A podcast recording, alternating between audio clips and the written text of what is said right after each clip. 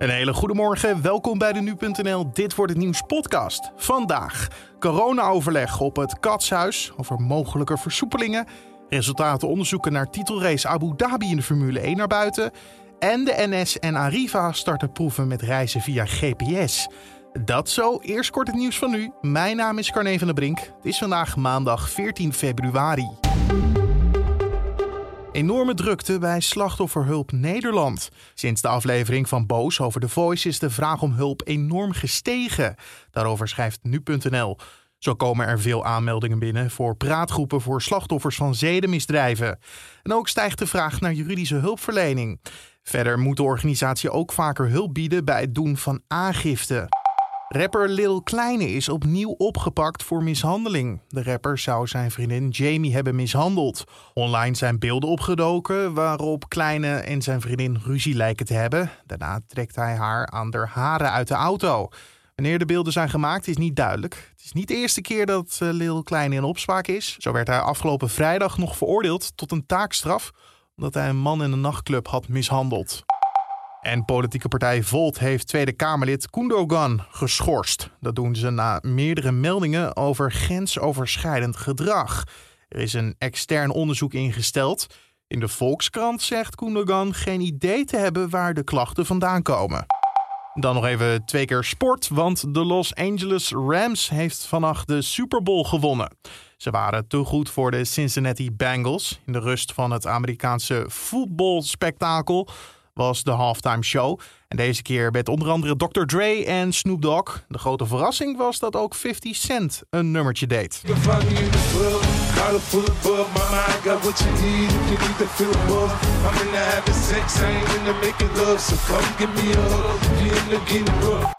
En dan naar de Olympische Winterspelen, want Carlien Sleper is op de 16e plaats geëindigd bij de monobob. Het begon van, het begon vannacht goed voor haar, want ze kon een eerdere tijd verbeteren.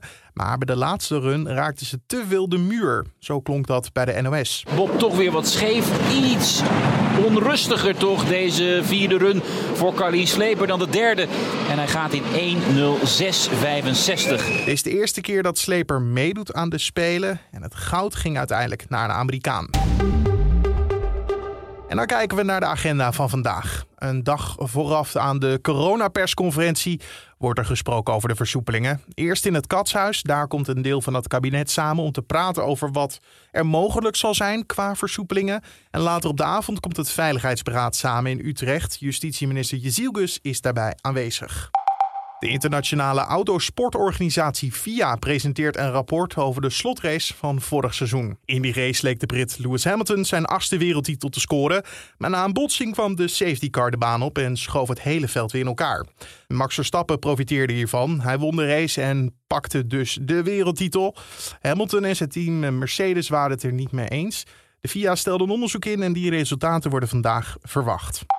En de NS begint vandaag een proef waarbij mensen hun treinreis betalen met behulp van GPS op hun telefoon. Dat betekent dus niet meer in- of uitchecken bij het overstappen naar een ander vervoerder. 50 eh, mensen die een abonnement hebben bij de NS en 50 met een abonnement bij Arriva doen in totaal mee aan de proef. De testperiode loopt tot halverwege mei.